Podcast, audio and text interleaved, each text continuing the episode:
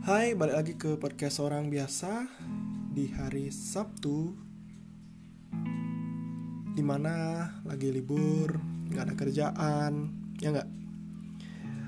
Selamat menikmati hari libur di hari Sabtu untuk yang merayakan. Kok merayakan sih? Maksudnya sedang berlibur. Dan untuk yang lagi kerja Kasian banget ya.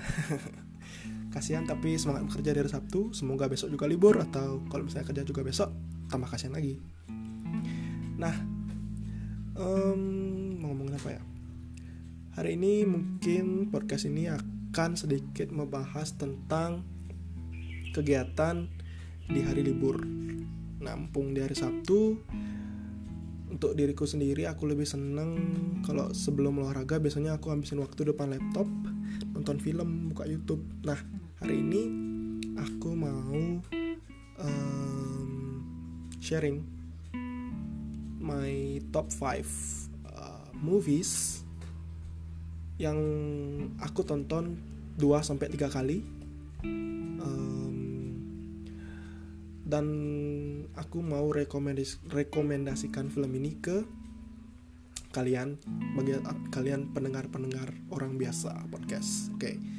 Dari nomor 5. Nah, nomor 5 aku sarankan kalian nonton film Green Book Green Book ini rilisnya tahun 2018 dan berhasil dapat Academy Award for Best Picture di tahun 2019. Film ini bercerita tentang uh, genre-nya adalah drama komedi. Nah, ini bercerita tentang dua sebenarnya ini ke kembali cuma dua orang aja sih uh, karakter utamanya. Ada si a working class, a working class Italian American person dan yang satu adalah a classical pianist, an African American. Nah, si Italian American ini akan bernama Tony Lip dan si pianis handal ini bernama Don Shirley. Nah, di sini ceritanya ceritanya um, si Tony Lip, si Italian American ini adalah seorang kulit putih dan si Don Sherry ini adalah seorang kulit hitam. Tahu kan dulu ini ceritanya tentang di masa dulu di mana rasis itu sangat uh, apa ya? sangat tinggi banget di Amerika sana. Jadi untuk orang kulit hitam itu sangat dipojokkan sekali atau dipinggirkan banget oleh orang-orang Amerika yang orang Amerika kulit putih. Jadi setiap ada orang yang kulit hitam lewat, mereka akan menganggap uh, mereka kan ngelihat banget gitu loh kayak ada sesuatu gitu kayak lihat hantu. Maksudnya orang kulit hitam di sana dianggap rendah banget di sana. Nah cerita itu cerita ini uh, mengambil setting di sana. Nah um, uh, si Don Shirley ini si orang kulit hitam ini sedang mencari seorang supir untuk dipakainya ke keliling tour Eropa di mana dia punya band klasik gitu um, bergawa, digawangi oleh dia sendiri atau dia sebagai pencipta aransemen musiknya dan dua teman lainnya yang notabene itu kulit putih. Cuma dia aja kulit hitam. Tujuannya dia sebenarnya melakukan tour ini adalah untuk memperkenalkan dirinya dan juga memperkenalkan musik klasik. Dia dikenal oleh sebagai profesor musik klasik. Dan di film ini dia mainnya sangat pure. Wow keren banget entah itu editan atau apa tapi menurutku itu keren banget. Genius. Nah dia nyari seorang driver yang mana berhubungan langsung dengan Tony Lip. Tony Lip ini baru kena PHK di restoran dan dia lagi nyari kerjaan. Pada saat dia apply ke uh, di di rumahnya Don Shirley ini nggak ada yang nyangka kalau dia bakal dia nggak nyangka kalau dia bakal jadi supir seorang orang kulit hitam Tony Lip ini orangnya sebenarnya nggak rasis cuma dia agak keras orangnya maksudnya nggak punya etika berkebalikan berkebalikan uh, berkebalikan banget berkebalikan banget dengan si Don Sherry ini yang mana orangnya sangat rapi bersih bangsawan gitulah tapi kulit hitam. Itu yang cuma kekurangannya cuma warna kulitnya saja. Nah keluarga Tony Lip itu bertanya-tanya kenapa Tony Lip mau jadi supir seorang orang kulit hitam padahal orang kulit hitam itu kan rendah banget pemikiran mereka nah Tony Lip ini karena dia butuh uang jadinya dia mengambil job itu yang mana akan membawanya selama 4 minggu di bulan Desember untuk bepergian bersama si Don Shirley untuk main piano. Nah, di sanalah di sanalah di film itu perjalanan mereka berdua um, perjalanan mereka berdua diceritakan. Yang paling menurutku uh, apa ya? Banyak sih ada adegan-adegan, maksudnya ada scene-scene yang lucu banget, tapi salah satu yang bakal aku ceritakan adalah pada saat mereka pada saat si Tony Lip ini mesen KFC di daerah Kentucky dan ternyata si Don Cheryl nggak pernah makan nggak pernah makan sama sekali si KFC KFC ini. Dan dengan tangan dengan dengan dimakan dalam mobil gitu maksudnya si Tony Lip ini kan orangnya emang enggak cuek ya. Sedangkan si Don Sherry ini duduk aja pakai selimut gitu. Tegak kebangsaan banget lah. Kebangsaan maksudnya kayak jadi seorang um, orang terhormat nah lucunya dikasih lah. Dikasih satu diberikan satu paha ayam ke si Don Shirley dan Don Shirley gim bertanya gimana cara makannya nih. Aku gak pernah makan kayak gini gini kayak itu. Terus si, si Tony Lep bilang ya udah makan aja. Dia makan dan dan dan Don Shirley kan dia nggak pernah makan makanan berlemak seperti itu.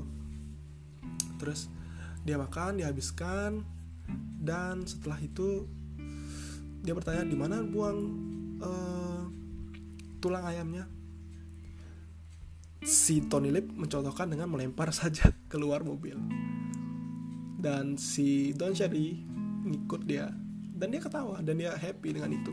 Nah satu ketika pada saat mereka sudah habis kan Tony Lip bawa minum. Tahu kan minum-minum KFC yang yang sedotan sama gelas plastik itu. Dibuang tengah jalan dan si Don Cherry kaget lucunya setelah itu si Tony Cherry diam dia kayak kaget gitu wah ngapain? Dan dan si Don Cherry si Tony Lip disuruh balik lagi ambil sampah itu. Di sana sih keren menurutku.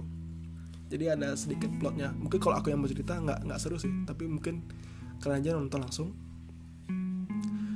Um, di akhir cerita kalian akan ngelihat gimana rasanya uh, senangnya ngelihat orang kulit hitam dan orang kulit putih itu duduk satu meja di, di Christmas dengan keluarganya Tony Lip. Nah, itu aja dulu biar aku nggak terlalu banyak spoiler. Nah, terus ada film Brother of the Year. Itu nomor 4. Ini film Thailand. Kalau ada yang udah tahu, mungkin udah nonton Film ini di tahun ada di tahun 2018. Ya. Film ini bercerita tentang kakak beradik cewek cowok, kakaknya cowok, kayak kakaknya cewek. Ya lah pasti. Adiknya cewek ya. Si cowok ini, si kakak cowok ini sangat males. Jadi nggak beraturan gitu hidupnya. Sedangkan berkebalikan dengan si cewek, si adik ceweknya ini sangat teratur. Maksudnya dia bekerja lah, pinter lah, nggak ngawur kayak kakaknya tapi mereka udah punya pekerjaan di sini nah suatu ketika si cewek ini ketemu dengan seorang lelaki yang berasal dari Jepang tapi kerjaan di Thailand. Yang mana adalah klise agak klise sih. Yang mana adalah klien dari si um, si kakaknya si cowok. Nah karena si cowok si kakak cowok kan nggak terlalu suka sama dia pengennya menurutku dia pengennya sama dengan orang Thailand langsung. Nah jadi dia nggak pernah setuju dengan adiknya yang punya pacar entah itu kenapa adiknya juga nggak ngerti. Mungkin karena si kakak cowok merasa kalau misalnya adiknya punya pacar jadi dia nya nggak kurus juga gitu. Nah pada saat itu um, dan si kak si adik cewek memutuskan untuk menikah si kakak otomatis kan nggak setuju karena pada saat itu si si si, si adik cewek itu dia agak udah muak dengan kelakuan tingkah laku kakaknya yang aur banget. Bahkan um, rumah pun biaya rumah pun si adik yang bayar kan jadi otomatis muak banget ke adiknya gitu. Nah si kakak tinggal di Thailand dan si adik menikah uh, dengan laki-laki dari Jepang dan tinggal di Jepang langsung membuat mereka kan terpisah. Karena si kakak ngerasa um, adiknya tuh gak anggap dia sebagai kakak. Jadi ditinggal uh, mereka berpisah. Gimana yang jelasin cerita ini? Maksudnya cerita ini ada lucunya sih adalah komedinya tapi yang bagian kena tuh ada di bagian belak di bagian hampir di bagian akhir di mana si kakak ini ngalah nah dan langsung nyari adiknya ke Jepang. Itu aja dari dulu aku ceritain tapi menurutku kalian harus nonton film ini Brother of the Year dari Thailand. Ratingnya sih 6,8 tapi menurutku bagus film ini lanjut ke tiga. Nah ini cerita tentang um, drama lagi dan misteri. Nah sebenarnya cerita ini katanya dari inspirasi kan ini hampir sama dengan atau ini menginspirasi seorang napi di di Indonesia yang mana dia keluar dari penjara dengan cara menggali lubang menggali lubang menggali lubang uh, dengan sendok. Nah, setelah aku baca komen-komen netizen di berita itu, aku lihat ada film Social Redemption. Nah, Social Redemption ini film lawas banget di tahun 1994, bahkan aku belum lahir pada saat itu, dengan durasi dua setengah jam. Tapi ratingnya gede banget, 9,3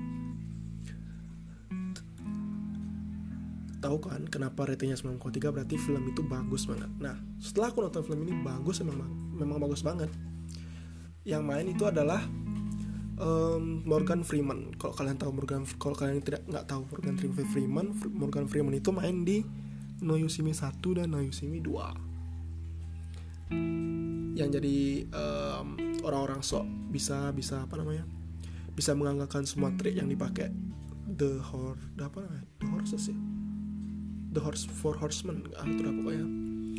Nah film ini cerita tapi Morgan Freeman di sini dia jadi um, sporting actor jadi aktor pendukung itu.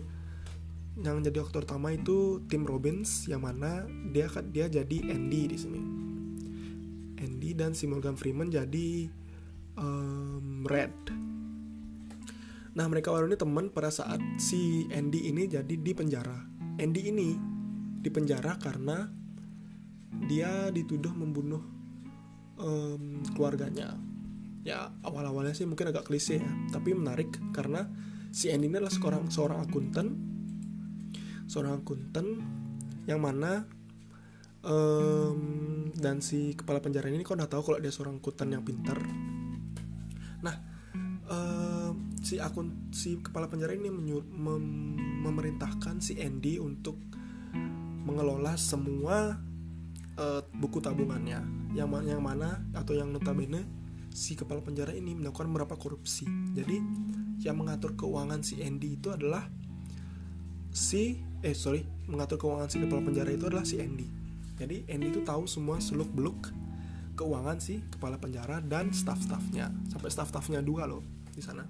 Nah Andy ini adalah seorang yang suka baca buku dan dia suka juga mengukir. Jadi batu-batu itu dia ukir hingga bentuk patung-patung itu dan dia juga naruh beberapa poster um, poster-poster di selnya. Itu balang seludupan by the way. Nah terus um, si apa si Andy ini dia nggak memperlihatkan apa yang akan rencananya dia ke depan. Dia cuma berteman dengan si Red membentuk sebuah perpustakaan, membangun sebuah perpustaka, perpustakaan di penjara itu salah satu sisa inspirasinya. Membawa membuat suatu perpustakaan di penjara yang mana membu uh, apa namanya membuat penjara itu terkenal karena si Andy ini yang terus meminta minta ke dinas pendidikan anggaplah dinas pendidikan di sana ya dinas pendidikan di sana untuk mengirimi buku ke mereka. Nah di sana um, tahun ke tahun terus berlalu dan si suatu hari malamnya pada saat pemeriksaan uh, napi si Andy nggak keluar tuh. Dia nggak keluar dan sampai dipanggil-panggil sama kapal penjaranya dan dicek tuh tempat kamar apa selnya.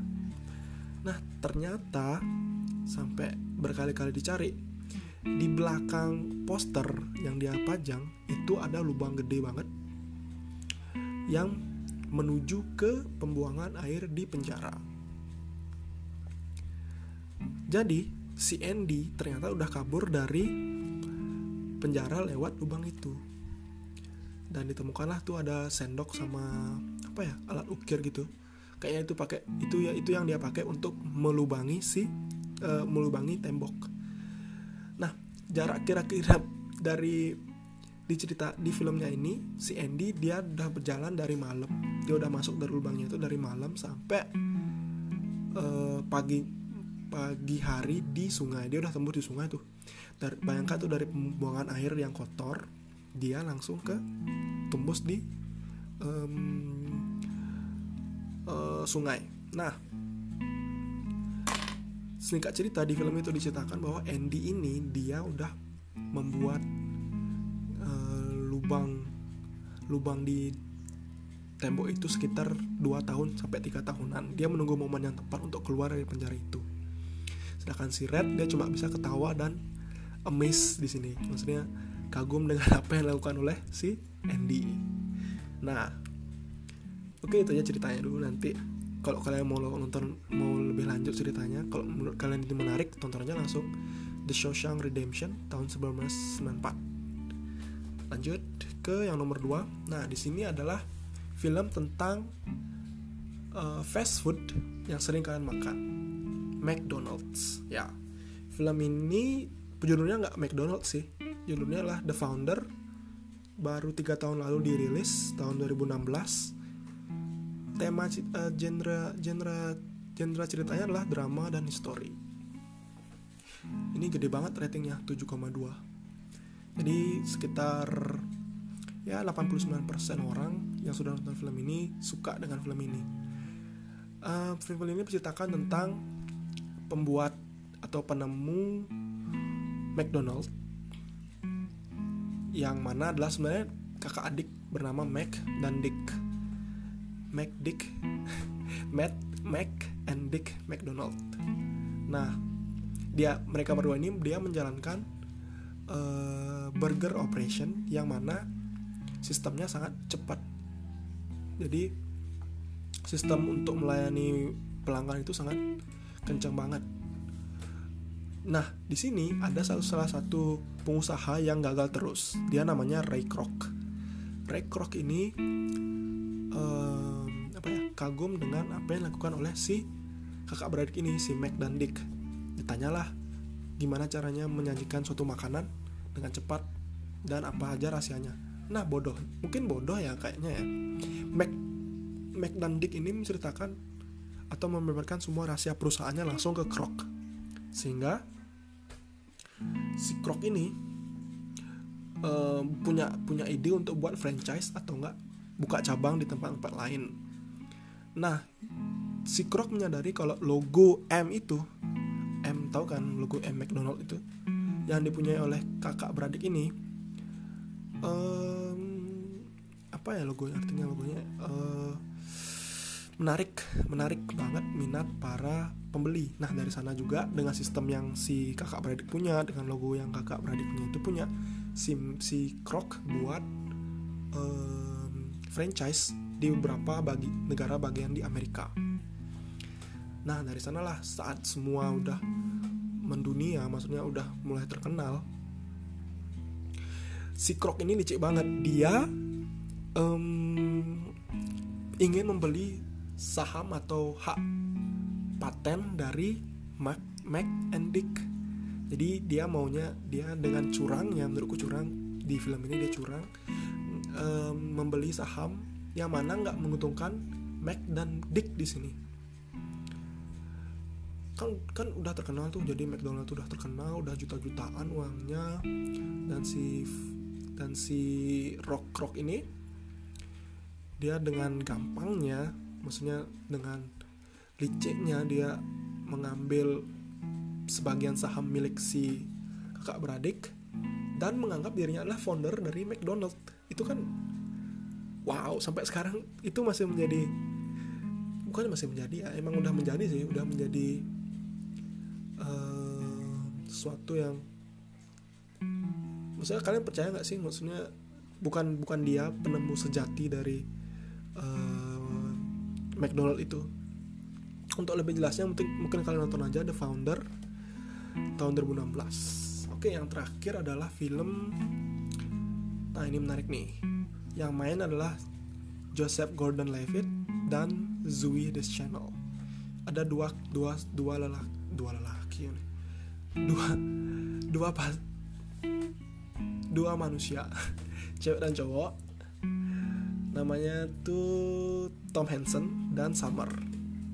Judul filmnya adalah 500 Days of Summer di tahun 2009 film ini dibuat eh, dirilis dengan rating 7,7 ini cukup cukup gede sih karena film drama romance ini menurutku sangat sulit ditebak jadi kalian kalian sebagai cowok nih ya kalian um, ini sangat lekat dengan ekspektasi dan dan realita seorang lelaki yang berharap pada seorang perempuan yang nggak punya yang mudi lah anggaplah mudi. Nah si si cowok ini punya sifat yang uh, sedikit ya berekspektasi tinggi dengan pacarnya. Jadi setiap dia ketemu wanita dan dia merasa itu clock. Dan yang pada saat itu si Summer ini dia udah dia semacam ngasih kode dan si cowok ini agak GR gitu. Jadi dia ngerasa wah ini jodohku nih si cowok si si Tom. Sedangkan pada saat mereka jalan-jalan bareng si, si siapa namanya si Summer ngerasa biasa aja nggak ada nggak dia nganggap itu bukan apa bukan bukan kisah cinta bukan kisah cinta dia nganggap dia lagi nggak pengen dalam satu hubungan gitu. Tapi si si Tom dia udah nah, ngarep banget sama si Summer ini. Terus nah terus film ini di akhir cerita menggambarkan kalau si Summer ini berpisah dengan si Tom setelah 500 hari mereka bersama. Itu tanpa hubungan sama sekali eh, maksudnya tanpa status sama sekali. Nah suatu ketika mereka ketemu Si Tom dan si Summer ketemu di tempat favoritnya si Tom. Summer bilang kalau dia udah punya pacar dan dia bersiap untuk menikah. Nah Tom di sana sangat shock. Wow. Um, Dan dia senyum terhadap dirinya sendiri Ini bagus. Maksudnya film ini bagus banget. Kenapa? Karena nggak klise jalan ceritanya.